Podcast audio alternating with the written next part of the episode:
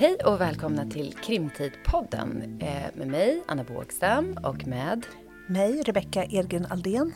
Ja, och nu sitter vi här igen i Gamla Stans bokhandel och nu ska vi köra igång inför våren. Det ska bli superkul. Ja, det var ju ett tag sedan sist. Ja, men det var ju det. Det har ändå gått någon månad tycker jag. Mm, mm. och mycket har ju hänt sedan dess, men eh, vi har ju läst en del mm. under julen. Ja. Och, skrivit en del. Skrivit en del. Och vi har ju en spännande vår framför oss. Ja, vi har redan bokat på. Ja. Lite gäster och lite teman och sånt. Exakt, mm. många nya spaningar. Och då tänkte jag ju att det här första avsnittet som vi börjar året med att spela in ska dedikeras till eller handla om psykologisk thriller. Ja, det är min favoritgenre. Ja, men det är ju det. Och jag tänkte att kan inte du, Rebecka, börja med att berätta lite, för du skriver ju i den här genren. Mm. Kan inte du bara berätta, vad är det för någonting?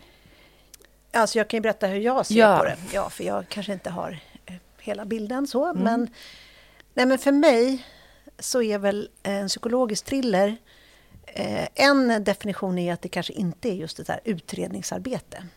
Att jag, mm. eh, om man tänker den klassiska deckaren så är det ju ett brott och sen så ska man lösa det brottet. Att det är, det är någon form av detektiv. En polis eller en journalist eller en liten gråhårig tant på den engelska landsbygden som löser det. Liksom. Ja, just det. Eh, och sen så blir det, det blir mer det här uh, who done it. Ja. Liksom mer så. Men psykologisk thriller kan ju fortfarande innehålla det, att man är nyfiken på vem det är som har gjort det. Men det handlar också mycket om why did it happen? Ja. Lite så, tänker jag.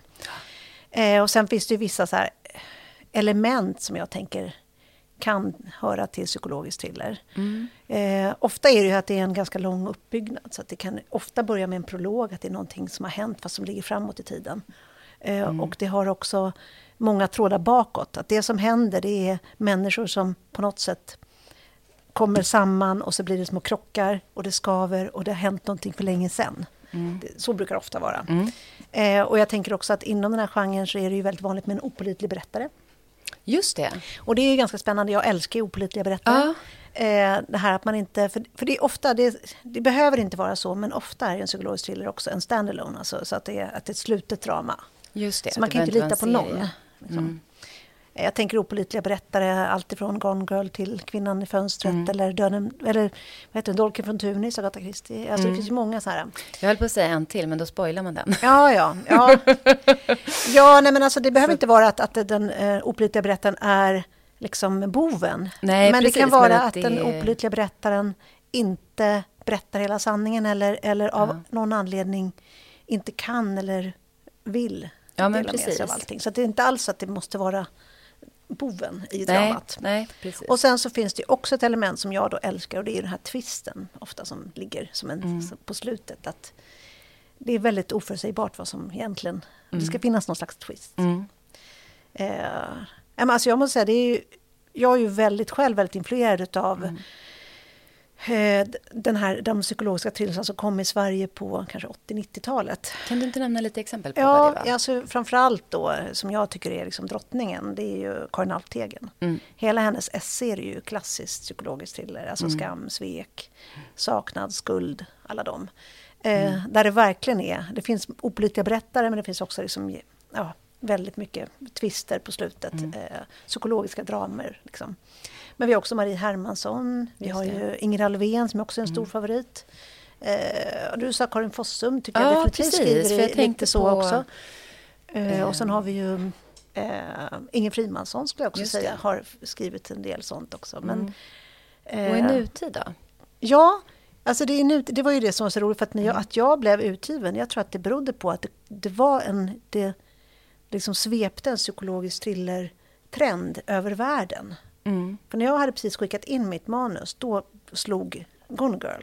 Mm. Så alltså den fanns inte när jag, hade, när jag skrev min första, men den, den hade precis kommit ut när jag hade skickat in. Mm. Och den blev ju gigantisk. Och den är ju verkligen urtypen för en psykologisk thriller. Och sen något år senare så kom eh, Paula Hawkins, Kvinna på tåget. Just det. Också så fantastisk succé. Mm. Eh, och sen har vi flera stycken som har liksom följt efter det. Jag tänker Jane Harper. Och, men vi har ju sen också klassiker som Dennis Lehane och alltså Shutter Island, Mystic ja. River och alla de här. Ja. Det är också psykologiskt film, ska jag säga. Ja, även tycker jag, Harlan Coben är ju, skriver ju Ja. Eh, vissa av hans. Jag, jag tänker ju mycket, på psykologisk thriller så tänker jag verkligen på amerikansk eh, thriller. Alltså, ja. Det känns som att de är väldigt duktiga på det. Eller att ja. det på något sätt är, i alla fall den här senare vågen, kommer mycket från USA. Ja, men det kan nog stämma. Eh, absolut. Men, och att det också är mycket av eh, Netflix och tv-serier och så är ju väldigt Otroligt. ofta Jag tänker bara nu på den här White Lotus. Det är Exakt. ju en form av psykologisk thriller. Absolut. Skruvad psykologisk thriller. Ja, ja, ja. Men det som var roligt var ju att man trodde att det skulle slå så himla hårt i Sverige. Mm. Och på viss, visst, det är klart att det har kommit många stora duktiga som har liksom slagit. Så jag tänker på Mattias Edvardsson, mm. är ju också psykologisk thriller. Ja. Eller Karin Eriksson som gjorde succé med sin första De försvunna. Eh, mm. Och ja, hon, hon, gjorde många jättebra, hon är fantastiskt duktig. Eh, och Malin Persson Jolito, skulle man också, alltså det är inte riktigt, jag vet inte om man, ja, det är på, i gränslandet där liksom. Men det slog nog inte lika hårt som man trodde. Nej, varför, varför tror du att det är så då? Jag vet inte, jag har verkligen funderat på det här. Det ska bli väldigt spännande att höra vår gäst, vad hon säger om det här. Ja. Men jag, alltså, det här är min hemmasnickrade teori. Och det är att vi har ett arv mm. med den här klassiska mera deckaren, polisdeckaren. Mm. Jag tänker själv Valö och um, Henning Mankel. Ja, gud ja. Men även så Elisa Marklund. Ja, alltså precis. på senare tid Ja, har verkligen. verkligen varit... Och sen Camilla Läckberg. Ja, sen har vi några ja. som är gigantiskt stora. Mm. Eh, liksom. Ja, men Viveka Sten, Marie Ljungstedt, ja, Anna, Anna Jansson. Ja, alla dem. Eh, mm. Nina, Ninni Schulman. Mm. Alltså många, många som har varit... Och vi verkar väl, vara väldigt förtjusta i dem. Och sen har vi också det här thrillerspåret som är mera eh, Kepler och, ja, lite och Stig Larsson stil, liksom. som är någon slags jag skulle inte säga psykologisk thriller, men mer liksom thriller. Mm. Liksom. Um, så ja, jag hoppas ja, ju den... någonstans att det här ska bli ja, men gud, det slå ordentligt sen någon gång. Mm. För det är ju väldigt spännande. Jag tycker jättemycket om den här genren mm. också. Ja. Uh, och jag tänker att alla genrer måste ju vara, finnas. ja, men precis. För det är ju liksom, ibland är man sugen på klassisk deckare, ibland är man sugen på psykologisk thriller. Ja, exakt. Och ibland vill man läsa så här, hårdkokt. Exakt. Eh, mer. Ja, nej, men är, vi, ja. vi kanske ska prata om vem vi ska Ja, hit precis. Då. För vi har ju tagit hit eh, vårens första gäst då för att just prata om psykologisk thriller. Mm.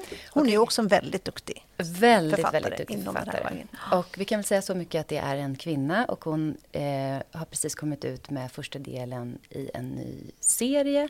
Och då för att avvika från vad du just sa med att det ofta är standalone så kommer hon skriva en serie nu. Ja, men, och det gör ju jag med. Ja. Så jag tror att det är en, och även ska jag säga Tove ja. Alsterdal som är en duktig inom, ja. Eh, som också börjar skriva serier. Ja, så att, ja. ja precis. Men eh, eh, det ska bli jätteroligt att prata med henne. Mm. Ska vi berätta vem det är? Då? Ja. Då säger vi välkommen till Camilla Sten. Tack så hemskt mycket. Eh, jag, jag funderade på hur vi skulle presentera dig. För det, det, går ju inte riktigt att ringa in vad du skriver, för det är så otroligt många olika saker. Men jag har gjort lite försök här nu. Eh, jag kommer ju mycket väl ihåg din första bok, En annan gryning. Ja. För vi träffades ju då på Crime Time och jag modererade ett samtal där. Det var ju en dystopi, kan man säga. Ja, det var det. Ja. Eh, jag var väldigt idealistisk när jag skrev den. Jag var 21 mm. och hade en väldigt stark tro på att böcker kunde förändra världen mm. och att jag specifikt jag ensam skulle kunna få alla att sluta rösta på Sverigedemokraterna. Ja. Jag tänker ofta på den fortfarande. Det värsta är att det är, liksom, det är ganska mycket som har kommit igen. Alltså som man känner, man, som, och när man tänker på den så är det... Ja, det, det, är liksom på ett ont sätt så har det faktiskt uppfyllts vissa saker där i förslag och sånt. Ja, jag är fortfarande ledsen över att jag redigerade ut att Storbritannien var först att lämna EU. För det hade jag med i första utkastet och jag önskar verkligen att jag hade behållit det. Ja. Ja. Och sen så kom ju den här eh, mer som ungdoms, barn ungdoms eh, Djupgraven, Sjörök, Mareld, Havsfolket som du skrev tillsammans med din mamma, Erika ja. Sten. Och sen så vet jag inte exakt när, ifall den kom i mitten där, men staden. Den kom sen. strax efter den sista havsfågelboken ja, tror jag. Mm. Och sen så blev det ju Järvs... Och staden ska vi säga är, vad ska man, vad man kalla det? Ja, jag tror att vi kallade den en skräckthriller. Ja. Den är lite genreöverskridande tror jag. Mm. Eh, jag har alltid känt att den var skräck. Mm. Precis, och sen så kom ju då en som jag vill kalla lite YA, Järv, Järvshöga-trilogin. Mm. Ja. ja, eller vad kallar du den? Ja, unga vuxna, ska ja, jag säga, precis. YA. Ja, precis. Och sen så har vi då en gotisk psykologisk thriller, skulle jag säga. Ja, Arvtagaren. Eh, Arvtagaren, ja. Och sen så har vi då den som du är aktuell med nu. En farlig talang, som är första delen i en ny serie. Ja. Och hur skulle du då kategorisera den? Jag skulle kategorisera den som en deckare. Inte en polisdeckare, men strukturerad som en deckare i alla fall. Det händer ett mord, huvudpersonen utreder, man hittar mördaren. Mm. Men det var, ju, det var ju väldigt snabbt avklarat här, men kan du gå in lite djupare på vad handlar den om egentligen? Det är tur för mig att ingen från förlaget är här, för det här, det här har jag fått skäll för många gånger. Uh, att jag är så dålig på att pitcha. Så att En farlig talang handlar om Rebecka Lekman. Mm. Och vad är hon? Hon är, hon är kriminalpsykolog Precis. och förhörsexpert. Och eh, hon har arbetat i USA, i Houston, i fyra år men eh, kallas hem för att hennes mamma har diagnostiserat med demens och att hon vill hjälpa till att ta hand om sin mamma. Och nu ungefär åtta månader senare så eh, ligger hennes äktenskap i spillror. Hennes fru är fortfarande hemma i USA. Eh, hon har inget jobb, hon har väl kanske några hundra kronor på kontot. Eh, det går inte toppen och hon bor i sitt gamla tonårsrum. Mm.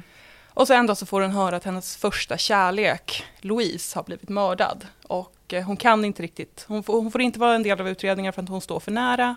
Hon kan inte riktigt avhålla sig utan börjar rota i vad som hade hänt kring Louise. Och eh, får i processen reda på att hennes första kärlek, Louise, som var en upprorisk, intressant, livlig ung kvinna, har blivit eh, hemmafru i Djursholm. Har dragits in i ett pyramidspel och börjat missbruka piller.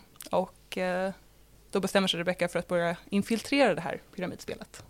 Där ungefär. Ja men precis, och det är en väldigt spännande miljö det här. För det är ju lite Djursholm, lite överklass. Eh, så kan du berätta om det? Jag är själv uppvuxen i Djursholm. Jag kommer faktiskt från Djursholm idag. Eh, så att, jag, jag har alltid funnit det vara en väldigt speciell miljö. Jag har aldrig riktigt känt att jag har läst en bok där det har fångats. Det här som är specifikt för Djursholm. Va? Störst av allt? Största valet var jättebra och jag tyckte att det fångade ett visst sorts Djursholm, men det var inte mitt Djursholm, det var inte det Djursholm som jag mm. växte upp i. Mm. även om det var väldigt, väldigt korrekt. Uh, jag var också en av de som tittade på Största valt-serien på Netflix och blev irriterad över att de hade ändrat små saker som liksom inte var helt rätt. Mm. Som att de hade isbrickor i frysen. Ja, men blir du inte arg över båten Vadå? också? Varför, var, vänta, jag, jag blir jättenyfiken. Vadå? Isbrickor i frysen? De skulle, alltså, det finns inte ett Djursholmshus som har isbrickor i frysen. Man har en ismaskin i kylskåpsdörren. Mm. Alltså, det här skulle aldrig hända. Det här skulle aldrig, eller Felix Sandmans frisyr den serien. Alltså, jag höll på att få en stroke för att jag blev så irriterad. Jag tänkte så här, du, det där. Ja, jag tillbringade större delen av mitt unga liv i Djursholm. Det här skulle, ingen skulle ha en sån frisyr på ett gymnasium i Djursholm. Det här skulle inte hända. Det här är kulturellt inkorrekt. Ja. Men, men, du, snyggt, men, men vad är då ditt Djursholm som du vill skildra i den här boken? Jag kan säga så här, jag läste till psykolog i tre år på Uppsala universitet och tog hem några kompisar från Uppsala till Djursholm, vilket var lite laddat för att Uppsala psykologprogram är ökänt för att du kommer in som en 18 eller 19-åring ung student och du kommer ut som en 25-årig socialist. Alltså det händer alla. och eh, det var lite laddat och då försökte jag förbereda mina klasskamrater på Djursholm och sa till dem så här, alltså vad ni måste förstå om Djursholm är att det är väldigt vackert, det är väldigt artigt, alla är väldigt trevliga. Det måste ni förstå. ja, för att jag tror att vi har uppfattningar om överklassområden i Stockholm och att det är väldigt rasistiskt, det är väldigt sexistiskt, det är väldigt elitistiskt. Men det där syns aldrig. Det är sant, men det kommer aldrig vara det första eller mm. ens det sista du ser. Folk kommer vara otroligt trevliga, otroligt öppna. Och sen vad de säger privat och hur de röstar och hur de spenderar sina pengar, det kan skilja väldigt mycket från den här framtoningen. Alltså min uppfattning har alltid varit att artigheten premieras över allt annat mm. i den här miljön. Mm. Det finns mm. ingenting som är viktigare. Jag var mm. faktiskt, eh, jag, var, jag dejtade en, en ung man för många år sedan nu som, eh, han hade påbrå från eh, Nordafrika och Palestina. Och då sa han vid något tillfälle, men om du och jag gick på gatan i Djursholm, vad skulle folk säga då? Då sa jag så här, åh, de skulle säga vad trevligt att Camilla Sten har hittat en pojkvän. Mm. Ja. Och sen om de träffade det skulle jag säga, så då skulle de säga, åh, min faster var stationerad i Palestina som mm. diplomat i tre år i början på 90-talet. Alltså det skulle vara så trevligt och öppet och sen så skulle man vända sig om och betala Täby för att ta alla flyktingar som annars mm. skulle hamnat i Djursholm. Mm. Vilket är en faktisk grej som hände.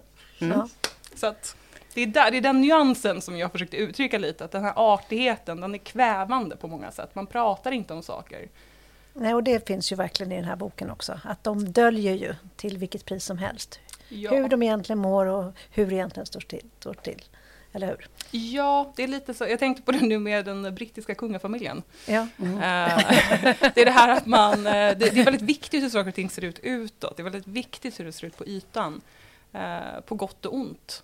Liksom. Det kan leda till att du har mycket trevligare interaktioner än du kanske hade förväntat dig. Men det kan också leda till att det blir väldigt svårt att prata om saker när allt inte går så bra.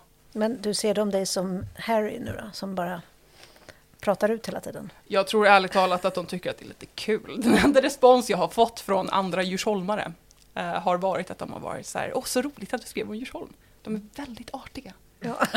Aldrig säga någonting till mig. Men kan du inte berätta lite mer om din huvudkaraktär Rebecka Lekman då? Varför ja. du valde henne? Jag älskar Rebecka. Jag håller på att jobba på andra boken om Rebecka nu. Eh, jag ville egentligen... Till en början så tänkte jag så att jag har alltid dragits lite till Agatha Christie-stilen på deckare, de här lite äldre deckarna från 30, 40, 50, 60-talet. Där man ofta har en väldigt låt säga, intressant huvudperson. De har många quirks, de har mycket för sig, de har sina små egenheter. Jag har alltid tyckt att det är väldigt roligt. Eh, och jag tror inte att jag skulle göra så bra jobb med att skriva om en alkoholiserad medelålders poliskonstapel. Um, så att det, där var första, det var egentligen första steget att jag gjorde vad man inte ska göra som författare och skriva mot någonting snarare än till någonting. Att jag tänkte så jag vet vad jag inte vill ha i en huvudperson. Men vad skulle du säga är Rebeckas egenheter? Hon är eh, vad som på engelska ofta kallas för en queer disaster vilket är ett uttryck jag utgick mycket från eh, när jag beskrev Rebecca. Jag ville göra henne till en komplicerad person men inte till en trasig person. Alltså hon är en fungerande människa, hon har bara lite bagage som de flesta av oss har. Hon växte upp som lesbisk i Djursholm, vilket inte var det lättaste. Det hade nog inte varit så lätt någonstans när hon var yngre på 90 och början på 00-talet. Och kände alltid att hon inte riktigt passade in. Hon var lite, hon var lite fel i alla sammanhang, även i sin egen familj. Uh, och kände sig aldrig riktigt sedd. Och sen i vuxen ålder så hittade hon det här som många hittar. Hon hittade ett sammanhang, hon hittade ett yrke hon var duktig på, hon började tjäna bra med pengar. Hon hittade kärleken. Och sen så kraschade allt. Allt togs ifrån henne Delvis på grund av hennes egna handlingar. Hennes äktenskap gick i kras, hon sa upp sig från jobbet, hittade inget nytt. Och nu har hon kommit tillbaka dit hon började. Dit hon alltid ville komma ifrån. Hon är tillbaka i det här tonårsrummet, tillbaka i sin uppväxtmiljö. Och det är väldigt triggande på många sätt. Ehm, egentligen, jag tror att jag skrev om eh, den värsta mardrömmen för många vuxna idag. Den här tanken om att tänk om allting rasar. Tänk om mm. alla inser att jag är en bedragare, att jag inte har förtjänat det här. Att jag, det, var, det, var väl, det var väldigt... Uh, imposter. Ja precis, mm. imposter syndrome. Det var väldigt, väldigt uh, katartiskt för mig att skriva om det här. För det är min värsta mardröm också. Så jag tänkte så här, gud, tänk om jag skrev om någon som började i en liknande ställning som jag var i som tonåring. Ja. Och som sen faktiskt förlorade allt. Mm. Den mm. värsta mardrömmen. Vad, vad, vad går man från det? Hur går man vidare? Försöker man fixa det man har lämnat bakom sig eller försöker man bygga någonting nytt? Mm. Men hon har ju också hennes yrke. Ja. Kan du inte berätta lite mer om varför du valde det? Jag har läst till psykolog själv mm. Eh, och har alltid tyckt att det skulle vara roligt att skriva mm. en deckare utifrån det psykologiska perspektivet. Mm. Så att säga. Eh, sen så har jag bett alla mina psykologkompisar att inte läsa boken för att jag är rädd att de ska se alla friheter jag tog mig. Eh, och jag är väldigt orolig för vad de skulle säga då. Mm. Men jag har alltid tyckt att det där är så intressant och sen så har jag gjort mycket research på förhörsteknik och, liksom hur man, och, och stött på det här att förhörsteknik är, väl, det är väldigt kontroversiellt. Det är väldigt lätt att få folk att erkänna saker de inte har gjort. Um, mm. Jag ville undersöka det här lite med hur etiskt är egentligen det hon håller på med. För att hon går in i offrets privatliv, mm. pratar med hennes anhöriga, pratar med hennes man, pratar med hennes familj. Och jag ville dröja lite vid det också, den skada man kan åsamka om man ta till sig det förtroendet och sen använder den kunskap man har för att, inte så mycket för att hjälpa utan för att rota, för att ta reda på. Mm. Uh, och det, det försöker jag utforska ännu mer i, i bok två som jag jobbar på just nu. Det här, vad händer egentligen? Alltså hur, hur ansvarsfullt är det att tillbringa sex år på universitetet med att lära sig hur den mänskliga hjärnan fungerar och sen använda det för att manipulera människor till att ge dig den information du vill ha. Mm. Det är inte särskilt försvarbart i grund och botten, skulle jag hävda. jag tänker det finns ju något psykologiskt också med de här pyramidspelen, för det är ju också en, en, vad ska man säga, manipulation utav hjärnan. Att, och den, jag tyckte det var så smart att du använde det. För jag, jag mm. kan inte minnas att någon tar upp det i en spänningsroman. För jag tycker inte att jag har sett det. Men det är ju så självklart sen när man läser om det. För det är ju fruktansvärd business. Det är verkligen det. Ja. det, det pyramidspel, särskilt det här som kallas direktförsäljningsföretag, har exploderat under pandemin. Och det var inte så vanligt i Sverige innan pandemin och nu har det börjat introduceras på väldigt stor skala specifikt via influencers, vilket också är det som händer i En farlig mm. talang. Och det mm, är, berätta där, det är, det är skönhets... Eh, det är, det är en skön, ett skönhetsföretag som säljer veganska sminkprodukter. Jag hade väldigt roligt med att ta fram eh, deras pitch kring sina veganska ah, gud, sminkprodukter. Det kände man när man läste. Hashtag Serendipity Sisters, jag hade jättekul med det. Eh, det är också för att jag har varit intresserad av pyramidspel personligen i, gud, ja, sju, åtta år kanske. Jag har, gjort, jag har följt och läst mycket böcker om det, så det var väldigt tacksamt att skriva en deckare om det sen. Men eh, och vad intresserar dig med det? Det är just det här um, för pyramidspel är väldigt eh, direktförsäljningsföretag är väldigt stort i USA specifikt. Eh, och det finns en anledning till att det har fått så stor grund där. För att de riktar ofta in sig på kvinnor. Och det är ofta kvinnor som, har, eh, som är hemmamammor till exempel. Och som är mellan säg 35 och 45 är liksom en stark målgrupp. Och det är människor som har land, som känner sig ensamma, som känner att de inte gör någonting med sina liv, som känner att de skulle vilja skapa någonting för sig själva och inte bara leva för sin familj. Mm. Och då sveper de här direktförsäljningsföretagen in och säger så här, du kan bygga din dröm. Du har förmågan, vi tror på dig. Vi tror att du kan, och du kan göra det lätt och du kan balansera både familjen och arbetet. Och du kan bygga ditt imperium och vi kommer hjälpa dig. Vi som är dina bästa kompisar nu, vi vet att du har känt dig ensam. Mm. För vi har också känt oss ensamma, men nu har vi hittat en familj och ett sammanhang och vi stöttar varandra. Och det värsta är det här feministiska också, att det är liksom oh. där empowerment och... Mm. Girlboss. Ja, precis. Oh, så riktigt eh, vidrigt. Ja, det är mm. så fruktansvärt och det är så förföriskt. För jag har, alltså jag, har sett, jag har läst så mycket om det här och sett siffrorna. Alltså 99,9 procent av människor som ger sig in i det här förlorar pengar. Mm. Så drar inte ens jämnt. Och det är inte så vanligt att du går i personlig konkurs efter att ha givit in i det här. Att äktenskap spricker, det har skett mord, det har skett suicid. Det är som en kult som tar dina pengar mycket mer effektivt än en kult gör. Vilket mm. är ja, skrämmande. Mm. Men hur mycket man än vet, så, alltså, jag har tittat på mycket rekryteringsvideos och läst mycket artiklar och det är ändå lite lockande. Man känner ändå att man dras in lite av vissa av de här. Alltså det hände under min research att jag stötte på en. Jag bara, jo men det här ser ju inte ut som att det skulle kunna funka. Det kanske man skulle ge sig på. Men gud, men vad, vad är det som lockar undrar jag? Men är, alltså, är inte det drömmen om oberoende? Ja. Och att bygga någonting. Och att liksom, jag, tror att det är, det är den här, jag tror att det är den amerikanska drömmen. Att mm. uh, dra upp sig själv via stövelskaften och mm. bygga någonting själv och skapa, bygga sitt imperium. Och, och sen så det här sammanhanget av de här andra kvinnorna som gör samma sak och ni stöttar varandra. Jag, jag tror att det, det, spelar så stor roll det där att mm. vi har så lite sam sociala sammanhang idag.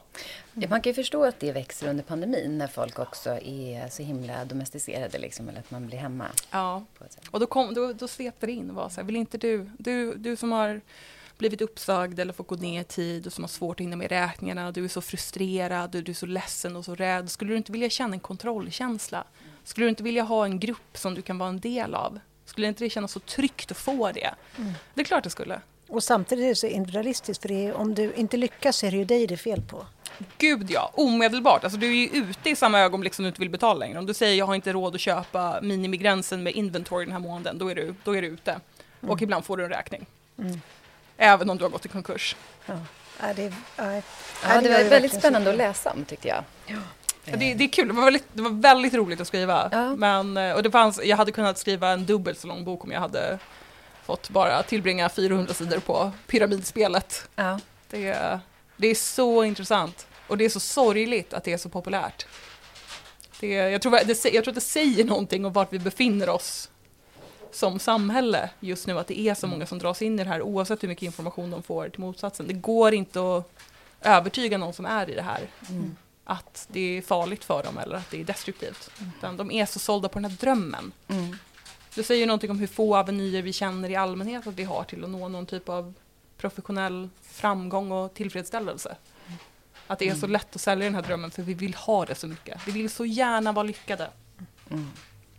Ja, men det känns ju när du pratar om det här att det, du har använt väldigt mycket av det du kan också som från psykolog, psykologstudierna. Eh, ja. Och vi har ju valt att ha temat psykologisk thriller på det här. Därför att nu har du ju för sig då, du säger att det här är mer som en deckare, men det finns ju verkligen inslag av liksom psykologiska spel mellan människor. Jag vet att du är väldigt förtjust i den, i den genren också och har skrivit i den också. Men hur skulle du definiera psykologisk thriller? Jag skulle definiera en psykologisk thriller som en thriller där majoriteten av spänningen kommer från det psykologiska spelet. Det betyder inte att man inte kan kasta in ett par extremt blodiga Nej. mord, men där de, den sociala dynamiken ligger till grund för majoriteten av, av spänningen i boken, spänningen som läsaren känner. Det här lite osäkra, vad kan jag lita på? Vem, kan jag lita på mig själv? Kan jag lita på min egen uppfattning? Kan jag lita på andra människor? Mm. Jag tror att det är därför det är så effektivt också, för går vi inte runt och känner lite så hela tiden ganska ofta. Så mm. fort jag är övertrött så blir jag övertygad om att alla mina vänner i hemlighet hatar mig. Ja. Det finns ingenting mer skrämmande än att sitta där klockan tio på kvällen och bara alla hatar mig Jag egentligen. tänker att det kan vara PMS också. det, ja, det är så olika. Men, men det känns ju som att, det är, att du är en del av en trend nu som lämnar lite de här standalone där vad som helst kan hända, där det bygger mycket på psykologiska och nu går över till att skriva en serie med visserligen psykolog som är huvudperson men ändå lite mer deckarformer. Jag tänker Tove Alsterdal också. Jag har ju också börjat skriva liksom serier och sådär. Ja. Varför, tror, varför blev det så? För min del så ville jag ta mig an en personlig utmaning. Eh, sen så ska jag också säga att jag lämnade inte det. Jag har, jag har ett dubbelt bokkontrakt just nu och på det andra kontraktet så skriver jag psykologiska skräckthrillers. Ja. Så jag får fortfarande tillfredsställa den driften mm. i mitt andra kontrakt. Bra. Men då, då tänkte jag att det skulle vara kul att prova mm. att utmana mig själv och försöka skriva en deckare. För det är en form som jag i alla fall alltid har varit lite rädd för eh, och uppfattat som väldigt svår att skriva. Eh, jag tror att ju, ju, ju, mer väldefinierad en genre är, desto mer regler finns det som du behöver ta ställning till. Inte alltid mm. hålla dig till, men du behöver vara medveten om vad som är praxis i genren.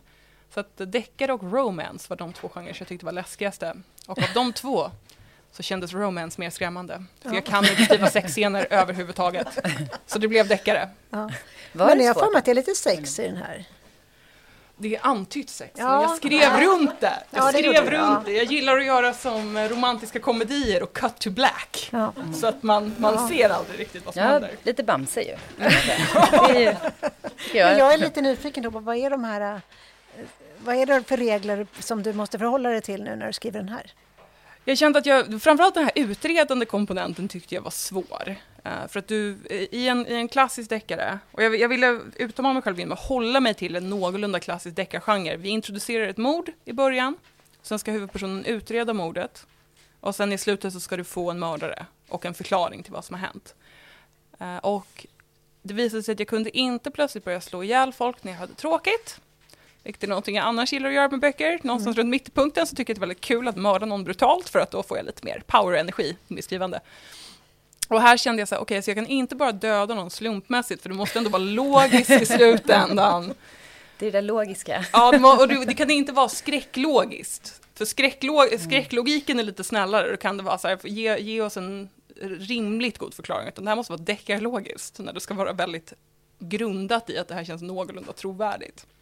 Så att då insåg jag så okej, okay, så då håller jag mig till ett mord och sen så, går, så trasslar vi ut det baklänges. Mm. Vad som har hänt, hittar mm. ledtrådar. Um, sen så tyckte jag också att det var väldigt utmanande. Jag fick, jag fick en feedback från min förläggare om att jag var tvungen att lägga ut fler röda trådar. Och det tyckte jag också var svårt. Mm. I psykologiska thrillers och skräck tycker jag, då kan man ofta jobba utan att ha så många trådar alls faktiskt. Så kan mm. man ofta jobba med att så här, saker händer och vi får mer och mer information men du kan ge läsaren väldigt lite information. Så länge, om du jag tänker att min regel är att om du läser om det så ska det kännas väldigt logiskt från början. Exakt. Mm. Men i deckaren så kände jag att jag måste ge läsaren en chans att lista ut vem det är som har gjort det själv. För att annars så känns det som fusk och det tyckte jag var så in i helvete svårt att göra mm. utan att vara övertydlig. Helt otroligt! Alltså kudos till alla som någonsin skrivit deckare. Jag förstår inte hur man bara bemästrar den balansgången från början. Och hur går det med tvåan då? Har du stött på samma liksom svårigheter? Det där. går bättre, men jag fuskar lite och drog in lite, lite element från den psykologiska thrillern där. Bara för att underhålla mig själv. Det är januari. Man måste mm. ge sig själv lite roligt. Eller fuska, vad är det för element då, ja. tänker du? jo, men du vet, Rebecka får klättra ner i en mörk källare och så ja. hör hon konstiga ljud och så blir det lite obehagligt och då tänkte jag att det här är min present till mig själv. ja, ja, ja, det med sånt älskar jag. Ja, jag tyckte, jag tyckte det var så härligt. Det var, då tänkte jag så här, nu får jag skriva skräck i exakt fyra sidor. Så det var min, det var min lilla januaripresent till mig själv. Som ett litet mm. påskägg där mitt i. Liksom. Ja, men exakt. Och så tänkte mm. jag så här, det är faktiskt spännande och det är inga spöken i källaren. Så tekniskt sett har jag inte brutit mot genrereglerna. Och när kommer den? Jag tror att planen är att den ska komma i november men vi har inte satt något utgivningsdatum ännu. Mm. Och den här andra som du har kontrakt på, vilken? Du har sagt att du... det, jag har ett kontrakt med ett amerikanskt förlag för att skriva direkt på engelska. Och eh, jag lämnade manus till min första engelska bok i december, tror jag. Början på december.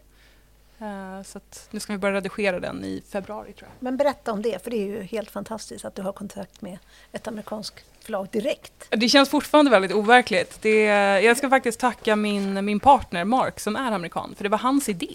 Uh, jag, jag kämpade lite med jag ville prova att skriva någonting som var väldigt genreöverskridande och som hade element från skräck och thriller och uh, gotisk och uh, de här underbara skräckfilmerna från tidiga 00-talet som är så dåliga.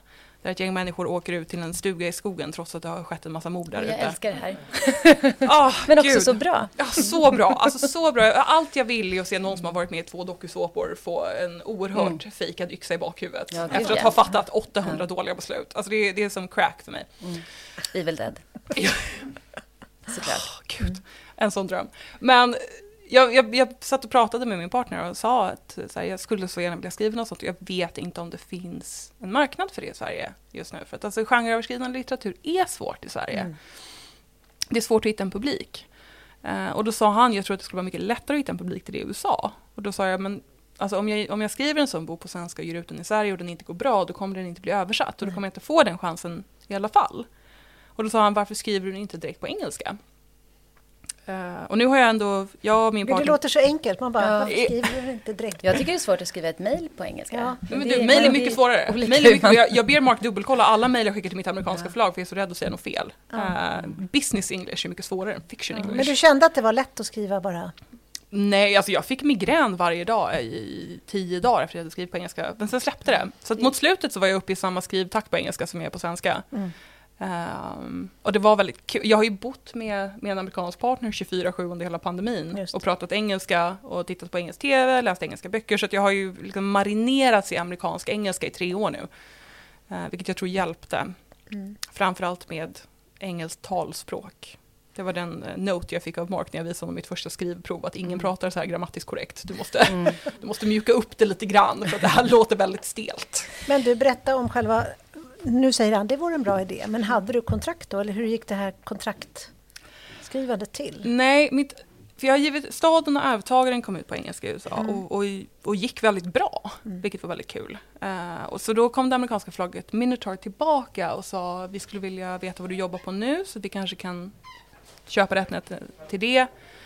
Uh, och det var då den här konversationen ägde rum och då, då så sa då pratade jag med min agent och sa att jag skulle vilja pitcha någonting till mitt förlag direkt på engelska. Eh, och då sa hon, jag tror inte att de kommer satsa på det. För att, att skriva på sitt andra språk är liksom, går oftast inte så bra. Men hon är väldigt stöttande så att hon sa vi kan pitcha om du vill. Eh, men jag skulle rekommendera att du förbereder ett textprov så att vi har något att visa dem. Så då förberedde jag ett textprov på 12 sidor och eh, lusläste det för grammatiska fel. Och så pitchade jag till min amerikanska förläggare och sa så här, jag tänker mig en bok där eh, ett gäng kvinnor i sena 20-årsåldern åker ut på, ett, ehm, på en möhippa till, en, till ett butik-yogahotell i skärgården. och, eh, och sen börjar folk dö på fruktansvärda sätt. Och då sa hon så här, Förlåt, skärgården utspelar sig... Det utspelar sig i Sverige. Ah. Jag är mm. inte tillräckligt bekant med amerikansk geografi för att skriva det där. Mm. Okay. Mm. Uh, men då, då, då, så skickade jag över textprovet och så kom de tillbaka och sa vi vill ha två böcker. Eh, och eh, då svimmade jag. För att jag har lågt blodtryck och svimmar väldigt ofta. Men, men jag, jag tuppade faktiskt av några sekunder. Så det, var, det var väldigt kul. Och oroväckande för jag var på ett hotell. Mm. Men helt fantastiskt. Men ja. jag tänkte på det med, för jag tycker att En farlig talang, mm. så finns det ju, i alla fall så tänkte jag så när jag läste den, att jag tyckte att det var det fanns liksom en väldigt stark koppling till USA och i vissa delar så kändes det ju liksom lite amerikanskt. Så jag tänkte så här, den här kommer ju också funka såklart på den amerikanska marknaden. Mm. Och det är kanske också att jag får för mig att de har en annan liksom, vissa saker går bra i USA men inte lika bra i Sverige och tvärtom. Så. Håller du med om det? Ja, jag, min upplevelse har varit att det är väldigt stark skillnad i hur, hur olika böcker slår i i Sverige och i USA. Det är alltså de, de två marknaderna är väldigt långt ifrån varandra. Mm. Uh, vi prioriterar helt olika saker i vår litteratur. Jag tror att uh, den amerikanska marknaden är så mättad av böcker eftersom engelska är lingua franca i mm. västvärlden. Uh, att jag tror att där funkar det väldigt bra med böcker som sticker ut, som sticker av, som har en, en USP. Så att mm. säga. Vad är det som får din bok att bli annorlunda? Det funkar ju i Sverige också, men jag tror att här är vi lite mer... Dels så tror jag att Gud, det här, det här är bara min uppfattning. Mm, Dels så tror jag att böcker landar bättre här när de känns eh, samhällsknutna på något sätt. Vi har en väldigt stark deckartradition i Sverige av böcker som tar, tar sig an aktuella samhällsfrågor som känns som att de bränner lite. Men jag tror att ren underhållningslitteratur slår väldigt bra i USA. Mm. Det ska gärna vara rappt och underhållande och det behöver inte vara fullt så genomtänkt och logiskt. Så länge det är kul så länge man har roligt. Mm. Uh, och sen så finns det självklart böcker som som bara är underhållande som slår i Sverige. Och så finns det böcker som är väldigt, väldigt samhällsgrundade deckare som står i USA. Mm. Men det är den trenden jag tycker att jag har märkt. Mm. Mm. Vi pratade lite om, om det innan du kom. Mm. Eh, och då sa vi just det här att den här psykologiska thrillern var ju så stor. Ja. Kom ju så jäkla stort internationellt. Och det var ganska många inom förlagsbranschen som trodde att det skulle slå mer än vad det faktiskt mm. gjorde här i Sverige. Eh, och jag tänker alltså, det, det har gått sjukt bra i USA. Ja. Och jag, säger, det har ju gått bra i Sverige också, men, men här är det på något sätt, det känns som att den svenska publiken framför allt är väldigt förtjust i de här mer klassiska deckarna. Att jag vet inte, det finns någonting. Jag tycker att det är intressant. Jag tror att det måste finnas en förklaring någonstans. Ja, vad, är jag, det?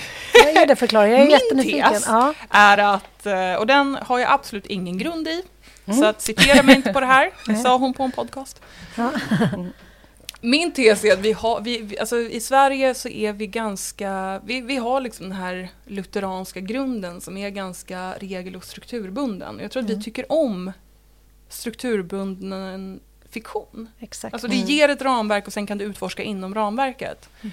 Uh, jag tror att det är den här väldigt individualistiska amerikanska kulturen så så, så, premierar man saker som sticker ut, som är annorlunda, som tar en chans. Sen så ser man ju inte alla de som tar en chans och misslyckas kapitalt, men jag tror att det finns en... Jag tror att den berättelse vi berättar för oss själva om den fiktion vi konsumerar är väldigt annorlunda i de mm. två kulturerna. För att Sverige och USA är väldigt olika kulturellt. Mm. Um, särskilt i hur vi tänker kring människor. Hur vi tänker kring handlingar, hur vi tänker kring livsberättelser. Uh, jag tror att det slår igenom i den fiktion vi konsumerar. Mm. Kan du inte ge lite exempel på det? Har du något du tycker är typiskt från den amerikanska litteraturen som skulle kunna vara... Ja, um, Domestic Thrillers tycker jag är ett fantastiskt exempel på det här. Mm. Domestic Thrillers är, tänk uh, Big Little Lies som faktiskt mm. är en australiensisk bok, så det mm. var otroligt illa svarat av mig. Men jag tror ja, att den ja. genren... Ja, men det är även Gone Girl och... Precis. Och de, ja. det, är, det är det här, eh, någonting och det, det, känns så amerikanskt för mig. Någonting händer som slår isär myten om den perfekta kärnfamiljen med, mm. den, med den stora McMansion och de har 2,5 barn och de kör dyra bilar och sen så plötsligt så bara smäller man fasaden och så ser vi att det döljer sig en massa ruttet där under. Mm. Och sen så får vi följa medlemmarna i familjen när de handskas med det. Mm. Och det där tror jag att man skulle kunna skriva en doktorsavhandling på. Mm. Alltså vad det säger om den amerikanska självbilden och den amerikanska mm. drömmen. För att det var inte populärt för 30 år sedan. Nej. Och jag tycker, en liten utvikning här, men om man tittar på alltså ur skräck då, som jag också mm. tycker är ganska typiskt eh, i USA så har ju det gått från att vara ett hot utifrån till att nu i ganska många skräckfilmer vara ett hot inifrån. Att det är liksom någon i kärnfamiljen mm. som är den onda och som förstör. Det är som att det är deras största skräck. Liksom, att, ja. att någon i kärnfamiljen är, är ondskan. Liksom. Mm. Och överhuvudtaget att skräck inte går så bra i Sverige. Exakt. Alltså, det. det. går ju jättebra i USA. Eller ja, det är mm. så mycket större så att, ja. Eh, jag vet inte hur bra det går egentligen. Men Men det har ju inte riktigt på samma sätt funkat. Nej, det är intressant det där. Det, jag, jag, jag är väldigt nyfiken på, jag, jag, har inga teorier där, jag är väldigt nyfiken på hur det kommer sig att skräck inte har slagit på samma sätt i Sverige. Men den, och den skräck som man ser slå igenom är ju också diskbänksskräck. På mm. samma sätt som diskbänksdeckaren är väldigt populär. Mm. Vi gillar saker som är väldigt, jag tror vi gillar saker som är väldigt grundade i den verklighet vi lever i. Som inte mm. ligger för långt borta. Fantasy går ju absolut Nej. inte bra i Sverige heller. Uh, och det, det, är intressant, alltså hur kommer det sig att, att vi så gärna, och jag märker ju det i det jag läser. Mm. mm. Jag är också präglad av det. Jag läser också gärna saker som känns ganska nära mitt eget liv. Jag flyttade till Barcelona för ett och ett halvt år sedan och nu läser jag otroligt mycket översatt spansk litteratur. Mm. För att jag gillar när det är lite nära och lite relaterbart saker jag känner igen. Liksom. Mm. Det, jag läser inte heller så jättemycket fantasy om det ska vara fantasy då ska det gärna vara cirkeln, typ. Någonting ja, som är grundat ja. i liksom ja. en svensk småstad eller någonting som känns bekant när jag kan känna igen saker, när jag kan se en av karaktärerna stå och kämpa med att göra lasagne med sin liksom, lilla IKEA-form. Mm. Då mår jag toppen. Vad beror det på? Hur kommer det sig att amerikaner läser high fantasy och uh, sci-fi som är många, många, många ljusår ute i rymden? Mm. Ja, de kanske inte har samma starka koppling till någon sorts kulturellt det kanske är det. De kanske inte har en lika stark kulturell identitet. Ja, kanske. Det är, så det är många som är väldigt sådär, absolut inte övernaturligt. Jag tänker, det finns ju några jag tänker nu som har stuckit ut. Mm. Jag ska se om jag kommer på någon. Sen, den här Bakom dina ögon som kom. Mm. Eh, den blev ju också, och då blev ju folk den är ju jättespännande som en thriller, men sen visade det att det fanns liksom övernaturliga och det var ju, folk blev helt galna för att, här i Sverige för att det var det. Jag var en av dem, jag blev så frustrerad. Ja, ja men då är det väl kanske någonting att vi... Det är lite genreöverskridande där. Ja, det är något med förväntningar också. Ja, jag vill gärna exakt, veta vad det är jag läser. Exakt. Jag kan bli väldigt sur när... Jag läste en bok för, bara för tre Lars dagar sedan. Lars tänkte jag först också, den här Stjärnfall. De, var också ja, de tyckte jag i och för sig väldigt mycket om. Ja, men där var det också så här, blev, lite, mm. blev någonting annat. Liksom. Jag, jag läste en, en, alltså som marknads, en bok som hade marknadsförts som en väldigt klassisk thriller med ett mord på flyget hit. Och eh, sen eh, 75 genom boken så kom det in aliens. Och eh, jag är väldigt förtjust i aliens. Eh, och eh, om det är någon alien som lyssnar på det här så får ni gärna komma och besöka mig. Ja. Det är faktiskt en stor målgrupp vi har. yes! Jag hoppades det när jag tackade ja. ja. Eh, men, men jag blev så frustrerad för jag tänkte så här, det här är inte vad jag har ja, det kändes som att författaren hade fuskat mm. mm med twisten. Jag kände så här, om jag inte om, om, om, du lurar mig att tro att jag läser någonting som är liksom lite deckare eller thrillerlikt mm. när, jag, när jag kan teoretisera själv kring det och sen kastar du in ett ufo 75% igenom. Då känner jag lite så här, det här var inte vad jag var inställd på. Nej men det är ju läsa kontraktet. Ja precis, det är verkligen läsa kontraktet. Jag känner mig mm. så lurad. Jag var mm. otroligt sur på flygplanet. Jag tror att jag skrämde den holländska killen bredvid mig. För att jag satt bara så här. Ja. Muttrade för mig själv. Eh, jag tänker på, för du, du har ju skrivit i ganska många, ja, men som Rebecka sa i inledningen också i presentationen, men att du, du har ju skrivit egentligen i många olika genrer, kan man säga, inom spänning. Eller, och då tänker jag, när det gäller process, vi pratar ju ofta lite om process i Krimtidpodden, tycker det är roligt eftersom vi skriver själva. Har, liksom, hur ser din process ut när du skriver? Och hur såg den ut när du skrev En farlig talang? Um, jag gillar att ta till uh, George R. R. Martin som skrev Game of Thrones-serien A Song of Ice and Fire. Han pratade om, vid något tillfälle om att det finns trädgårdsmästare och arkitekter mm. när det kommer till att skriva. Du har mm. arkitekter mm. som drar upp ritningarna först och kalkylerar allt och ser till att liksom mm. allting är på rätt ställe och sen börjar skriva. Och så är det trädgårdsmästare som kastar ut en massa frön och ser vad som växer. Mm. Och jag är en trädgårdsmästare. Det leder till hårdare redigering. Men jag har, jag har försökt att faktiskt planera ut en farlig talang väldigt noggrant från början för jag tänkte att det hjälper med en deckare. Men så jag kom ingen vart. Jag, skrev, jag tror jag försökte skriva den fem eller sex gånger innan mm. det blev ett manus. För att Gud, det är skönt gång... att höra. Gud, jag, jag, har, jag har... Ska vi se, mitt längsta utkast var 40 A4-sidor och mitt kortaste var kanske fyra A4-sidor. För att det stannade av, jag kom ingenstans. Jag satt bara och stirrade på datorn. Alltså i den här synopsisfasen eller vad man ska kalla den? Ja, precis. Jag, ut. Inte, jag blev så uttråkad. Ja. Um, jag, jag, jag, känner igen det där. Okay. Alltså, jag är precis likadan. Jag försöker med synopsis men sen blir man ju bara... Det måste hända medan man skriver också. Ja, jag tänker att det är sen där vet man, man har man en idé men alltså... Men... Jag gillar att börja med bara alltså en väldigt, som en, som en hisspitch mm. till en idé. Mm. Så med staden så var det ett gäng dokumentärfilmare åker ut till en övergiven stad, punkt. Mm. Och så började jag jobba från det. Eh, och med en farlig talang så hade jag Rebecka ganska väl utplanerad. Och jag visste att jag skulle ha med pyramidspel. Och jag visste att mordoffret skulle vara hennes första kärlek. Och sen så fick det bara rinna därifrån. Mm. Um, Men det, har det varit svårare att skriva den här än dina andra? Vilket, vad har varit svårast? Um, det beror på. Den här var svårast rent formmässigt. Jag fick gå tillbaka och skriva om under processen mer med en farlig talang. Mm. Uh, amerikanska boken var svårast för att det var ett nytt språk och uh, jag tvekade så mycket på mig själv där. Jag stannade mycket i början och tänkte så här, kan man säga så här? Är det här ett mm, svenskt det uttryck? fruktansvärt svårt. Jag hade, jag, hade ju en, jag hade ju ett litet fusk vid andra änden soffan så att en gång var femte minut i början så tittade jag upp och sa så här, Mark, Mark, är det här ett svenskt uttryck eller är det här ett amerikanskt uttryck? Kommer de förstå vad jag säger här? Men eh, svårast av allt var nog att skriva ihop med mamma faktiskt. Var det svårast? Ja. Vad var det som var svårast med det då? Kontrollförlusten. Alltså För annars har du berättat att det var så praktiskt att, hon, att du gillar att så här, äh, skriva på historien och hon går in och redigerar. Det var väldigt praktiskt men det var också ja. extremt utmanande. Alltså, ja. Kontrollförlusten var fruktansvärd, det var ett trauma. Mm. Att inte få full kontroll hela tiden. Det... Ja, du kanske ska säga bara, att, alltså jag tror att alla vet, men att Vivica Sten, att det är det henne vi pratar om nu. Ja, din mamma. Mm. uh, kontrollförlusten var fruktansvärd. Uh, jag tycker att det, det är en, en av de roligaste sakerna när man är inne och skriver råmanus, kan jag känna är att man får gå in i den här världen och bara leva där och utforska och känna hur saker växer fram och ibland är det som ett mirakel att någonting bara dyker upp mm. och så inser man så här, åh, det är klart att det var så här.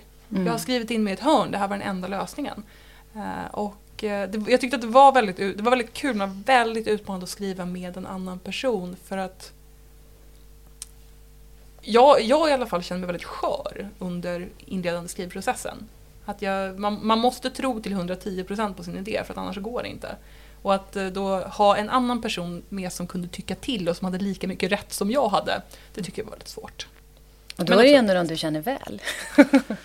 Men det ja, kanske inte är till fördel? Alltså. Nej, jag tror inte det. Eh, jag tror det, det, är tur att eh, jag och mamma har en väldigt uh, lugn och kommunikativ relation. Men alltså, det betyder ju inte att ingen smällde i dörrar under vissa delar av processen. Mm. Jag tror att hon kallade mig en ryggradslös manet vid något tillfälle för att jag inte ville döda en karaktär. Hon hade rätt. Det men det var hårt. Är inte alla maneter ryggradslösa? Men du... du, ska jag ta upp med henne. Det var sex år sedan men jag kommer fortfarande ihåg det. Nej, vet ni att jag har hört att maneter har ett enda känsloläge? Och det är så här ständig förväntan. Det kanske är ganska bra då, Det låter helt fruktansvärt faktiskt. Nej men också härligt ju. Ja men jag tänker, ja är det positiv eller negativ förväntan? Nej men alltid bara undrar, nu händer det något snart. Det låter... Du kanske har ihop det med guldfisken. Ja. Gud jag hoppas verkligen att jag blir reinkarnerad som manet i så fall. Ja. Vad mysigt att bara få glida runt i 500 år i havet och bara tar... se, undra vad som händer nu. Ta det citatet från den här podden. men, men, nej, men jag tänkte också en annan sak kopplat till hur du jobbar, för jag tänker du är så otroligt produktiv. Mm.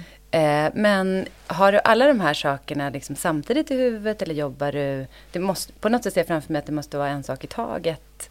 Men det bara rullar på liksom. Jag har oftast tre eller fyra bokidéer i huvudet medan jag jobbar på en. Och eh, jag har funnit att tricket är att alltid vara mer exalterad över nästa bokidé än den du jobbar på just nu. Är det tricket? Ja, för då jobbar du snabbare. För då vill du komma fram till att du får jobba på ah, den idén. Och sen när man kommer till den så inser man ju självklart att så här, ja, den här var också jobbig och tradig ibland. Mm. Men då har man en ny idé. Och då tänker man att ah. den kommer vara den som är superclean och bara glider på. Ah. Men kör du aldrig fast? Oh, hela tiden. Jag är superfast just nu. Jag ska hem mm. och dunka huvudet i väggen i fyra timmar innan jag får något skrivet i eftermiddag. Och vilken är det? Är det tvåan till den här eller ja. den amerikanska? Eller? Tvåan till den här. Ja. Jag är extremt fastkörd just nu. För jag har kommit ungefär vad är, 40 procent in i boken. Det är där jag brukar köra fast som mm. värst. Ja. Det är samma här. Det är mm. värsta biten. Det är värsta fasen. Alltså kan början man inte bara kapa mitten, tänker jag. Exakt. Jag brukar, när jag skriver psykologiska thrillers så brukar jag alltid döda någon eller spränga någonting mitt i boken. För då får det lite fart igen. Mm. Men det får jag inte göra nu. För att det skulle liksom bryta från verkligheten för mycket. Men eh, Jag, tycker, jag tycker mitt, för början av boken, då, då, då är det ju bara kul och härligt och nytt liksom. Det är som mm. att ha börjat en ny relation, att man bara mm. wow, shit mm. vad kul, vad roligt Sen det här är. ja, slutet, mot bok, slutet på boken, det känns som när man är i en bra relation och det bara rullar på och man tänker så här, shit vad smidigt allting är. Alltså det här är helt otroligt. Men det var mitten boken, det är som att vara på Tinder. Det är den mest frustrerande övningen man kan ge sig in i. Och allt, alla idéer man har är skit och allting går dåligt och allt är jobbigt och man känner så här, jag kommer aldrig komma till slutet på det här. Det kommer bara vara så här för evigt. Jag kommer mm. alltid leva i en bok som är 42% klar. Gud vad, oh, Gud, vad jag relaterar till detta. Ja, jag det var faktiskt väldigt bra liknelse också. Att man är väldigt sugen på att bara swipa bort saker ja. där. Mm. Jag känner att jag avvisar idéer som egentligen är bra där, för att jag är frustrerad. Jag, jag, känner mig inte säker på vart jag är på väg. Det är väl där arkitekterna har en fördel, för de vet vart de är på väg. Mm. Sen så, men sen så brukar det ju lossna och då tycker jag att alltså från 65% till 100% är otroligt. Men vad skulle du ge för tips för de som alltid är i den här Tinderfasen av manuset? Tänker jag. Liksom, hur tar du dig ur det? Man det här är ett väldigt specifikt tips som enbart gäller böcker och inte Tinder. Mm, För att ta inte det här tipset och applicera det på dejtande, för det kommer inte få bra resultat då. Men jag mm. skulle säga så här, försök att tvinga dig själv att välja en grej att köra på. Mm. Bara för att komma loss ur det här. För, och ibland, jag gör det och ibland måste jag gå tillbaka och radera 20 000 ord för att jag mm. inser att jag tog fel väg. Men det är okej okay, för då har jag i alla fall kommit någon vart. Jag tror att mm. alltså, problemet är att man blir så perfektionistisk med sig själv. Att man vill att det ska vara perfekt från början, man vill bara välja den bästa idén men du vet inte vad som är den bästa idén förrän du har provat. Exakt, jag tror det ligger jättemycket i det här. Ja, alltså man, man hittar ju bara det genom att utforska mm. och, och, ibland så får man vara rent krass mot sig själv och säga så här, ah, jag slösade just bort tio dagar på att skriva något som inte mm. funkade men nu har jag provat det. Du vet, det är som att ta sig ut ur en labyrint. Mm. Så ibland måste du prova några vägar innan du hittar den som är rätt. Absolut. Men brukar du ringa din förläggare i det här läget? Nej, jag är så rädd att bli influerad. Mm. Jag litar på... Jag, jag, känner att det finns någon del av långt bak i min hjärna som, som jobbar på hela tiden med det här. Ofta, jag vaknar ganska ofta på morgonen och har liksom insett under natten hur jag måste lösa någonting. Uh, och jag, lä jag, läser inte nya böcker när jag jobbar på råmanus heller. Jag läser bara om böcker jag redan har läst. För att jag är så rädd att jag ska liksom få en idé av någonting och så ska det skifta det som händer i det undermedvetna. Mm. Det låter väldigt flummigt men, men Nej, jag har men jag funnit tror, att det... Jag förstår precis vad du menar. Mm. Och dessutom, mm. alltså, om man läser en ny bok som är oväntat bra, då är man ju körd. Mm. Jag, jag gjorde det fruktansvärda misstaget när jag höll på att skriva första Järvöga-boken och läsa Björnstad och Fredrik Backman. Alltså jag var ju mm. deprimerad i två veckor.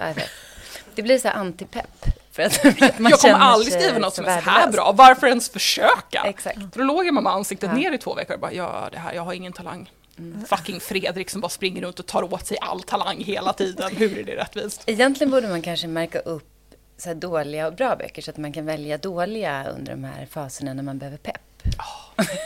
ja, jag, jag gillar att läsa om böcker som är en helt annan genre. Mm. Tycker jag är mysigt. Jag läser jätteofta om eh, så här, Marion Keys böcker när jag skriver thrillers. Mm. För de är, de, är, de är så underbara, men jag har också läst allihop 20 gånger. Så mm. kan, det är som en godnattsaga liksom. Och, då, och det är en så annan genre för hon kommer aldrig liksom slå ihjäl någon med en yxa mitt i en mening. Nej. Så då känner jag inte att jag kan inte få några idéer av det här. Just det. Vilken att, är din favorit av hennes? Uh, oh. det, är nog an, det, det, skulle antingen vara uh, Vara vuxen eller hennes allra, allra senaste, Igen Rachel. Den tyckte jag var helt fantastisk. Hon har verkligen vuxit som författare. Mm. Tycker jag. Det är kul att läsa en, om hennes böcker från början.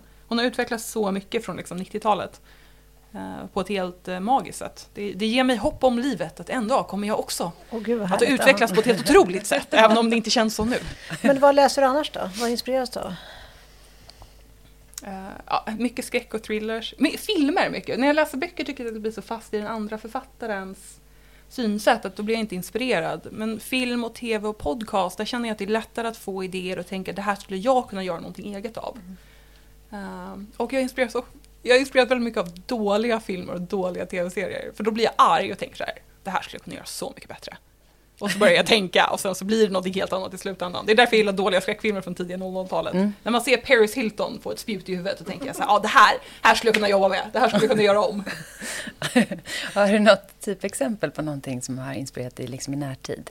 Fanns det någon inspiration till en farlig talang i någon dålig tv-serie eller film? Mm, ja, det var faktiskt det var en dokumentär. Eh, det kom ut en dokumentär om ett eh, direktförsäljningsföretag som heter Lula Row. som säljer leggings i Utah till mormoner.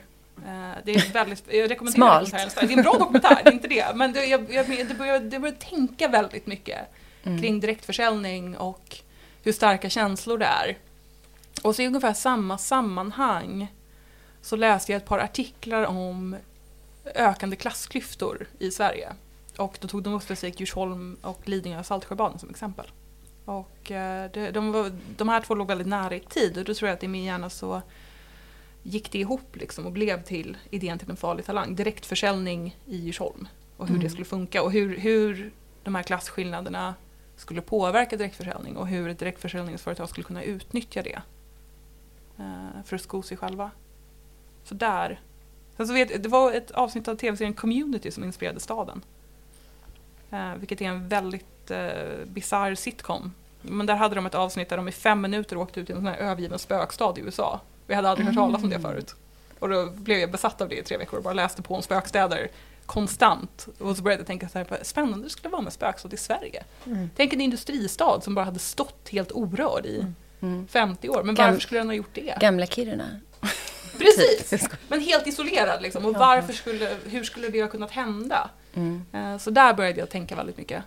Men jag, jag, är lite nyfiken på den boken också, bara för att, eftersom den slog så i USA. Det var väl egentligen var det den första som kom ut i USA? Var det ja, så? det var det. Um... Alltså hur känns det? Alltså, vara big in the USA? um, och ha massa amerikanska läsare? Ja, dels så känns det lite overkligt för att det är så långt borta. Eh, jag var och hälsade på min eh, partners familj förra sommaren och då gick vi faktiskt och hälsade på boken på Barnes Noble. Mm. Det var väldigt bisarrt. Det kändes som ett practical joke, alltså det kändes som att någon hade satt in den i bokhyllan för att skoja med mig. Men eh, det, det är en lite lustig upplevelse, jag får, jag får väldigt annorlunda feedback av amerikanska läsare än av svenska läsare. Vad får du då? då?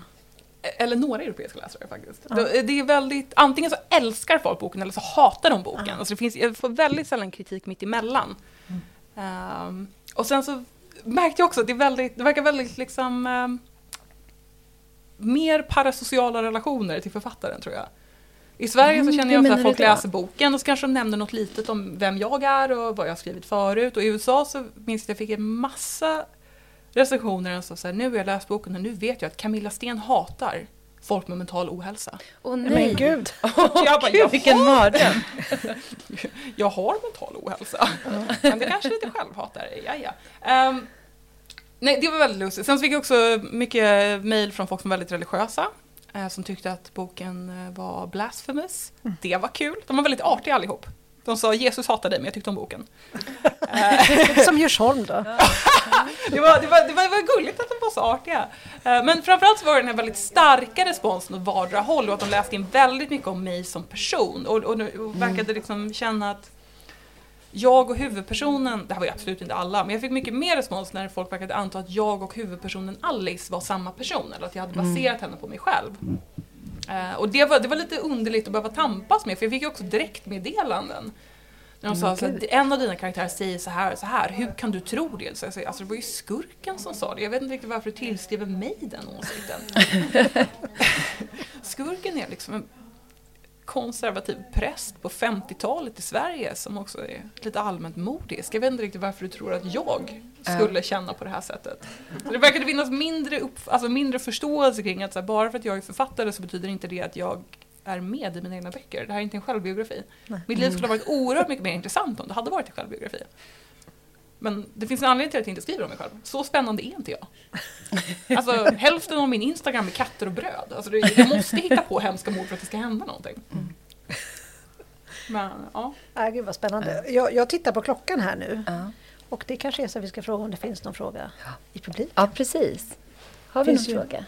Men jag funderar på vad du tycker är ditt största så här, nyp i armen moment hittills. Ja, mm, det största fråga. nyp i armen moment, det var en bra fråga. Det var en jättebra fråga. Uh, det var när uh, det, det, är nog, det är nog en dubbel faktiskt. Uh, min mamma ringde mig dagen efter att staden hade kommit ut på engelska och sa att uh, The Lost Village, som det heter, låg etta på topplistan på Barnes Noble. Uh, och då, då, fick jag, då satte jag mig ner på trottoaren helt fantastiskt. Utanför Systembolaget. Så det, samma, det såg inte så bra ut utanför kontext. Liksom. Men, Eh, men sen också när min agent ringde mig och sa att amerikanska förlaget ville ha två böcker på engelska och, eh, och nämnde en siffra och då, då, då var det också eh, då tuppade jag av som sagt. För att jag tänkte så här, det här händer, jag minns att jag tänkte så här, men det här händer ju inte. Alltså, det här måste jag ha hittat på. Nu har jag äntligen, nu, nu har jag tappat det. Nu har jag tappat kontakten med verkligheten. Mm. De var båda, det var riktigt, riktigt När riktigt kommer stort. de böckerna? sa du det? Första kommer 2024 Aha. tror jag. De vill ha en lång läggtid för att mm. de, de, de kampanjar ju väldigt annorlunda i USA. Där börjar de skicka ut recensionskopior typ nio månader innan boken kommer ut. Mm. Så det, är väldigt, det är väldigt annan annat format och ibland mm. skickar de ut kopior innan redigeringen är klar vilket gör mig oh, väldigt Gud, stressad. Du hade fått panik. det gör man här också. Oh, jo, jag vet men... Mm. jag, jag vill att allt ska vara klart och perfekt och att åtta personer ska ha kollat allting innan det går ut till någon. Mm. Helst skulle jag vilja att robotar gjorde det så att inte ens förläggaren behövde se hur, hur struligt allt är i första utkastet. Mm, ja, nej. Ja, nej det... men egentligen vill man aldrig skicka in första utkastet men det blir ju ingen nej. bok då. Liksom, men... Jag ber alltid om ursäkt. Ja, så får, varje ja, gång, varje gång. Det här, vad ska vi säga, jag jobbar på min tolfte bok nu och varje gång jag säger jag är så ledsen. Alltså jag, för, jag gjorde mitt bästa men jag mm. förstår om ni vill bryta kontraktet. Mm, ja, men... Det här är katastrof. Det är värsta Gud vad skönt att höra. någonsin. Men... vi är inte ensamma. Ja. Ett jätteroligt intressant samtal. Men ja, jag hade kunnat sitta en timme ja, till tror jag. Jag verkligen. har så mycket frågor kvar. Ja. Men vi får tacka så jättemycket för att du kom till Krimtidpodden. Tack för att jag fick komma hit. Ja, det var så kul. Det var supertrevligt. Tack. Och tack till publiken. Tack. Och tack till Gamla Stads bokhandel.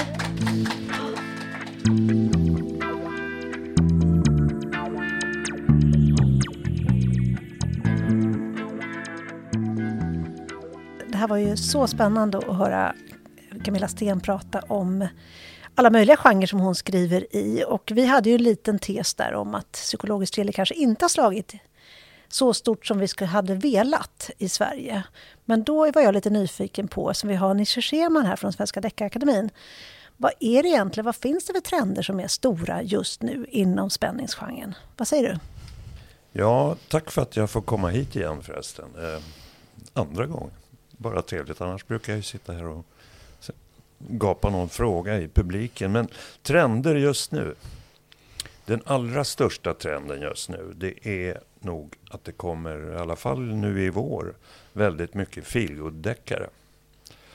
Eh, och vad kan det bero på? Jag tror att det kan bero på att det är så mycket konflikter i världen så att man vill ha någonting att rymma från verkligheten med.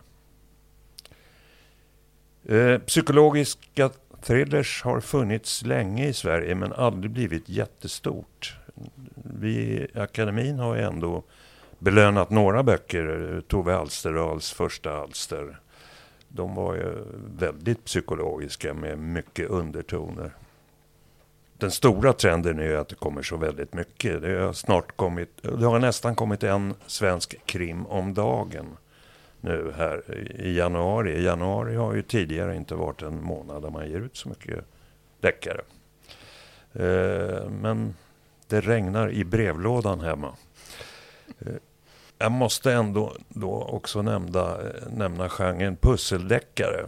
Eh, där vi i Deckarakademin ihop med Nora Turistbyrå eh, nu i 22-23 april har en liten festival med Maria Langa och Agatha Christie tema med många svenska författare. Dit är ni välkomna. Visit Nora heter sidan som ni kan gå in på och titta. Eh, men pusseldeckare är ju inte så vanliga ändå. Men många längtar tillbaks till pusseldeckarna, i alla fall av de äldre läsarna som man ibland träffar. Det var bättre på Stig Trenters och Maria Langs tid. Det var det ju förstås inte. De är ju svårlästa idag för att de är ganska daterade. Men de har mycket gemensamt ändå med, med det, de här eh, lite mera cozy crime som kommer nu med med eh, glatt humör och litet snällt mord. Oblodigt någonstans och någon eh, ganska sympatisk problemlösare. Det ska finnas av alla sorter. Eftersom det kom 400 svenska krim förra året så fanns det ju förstås av alla sorter.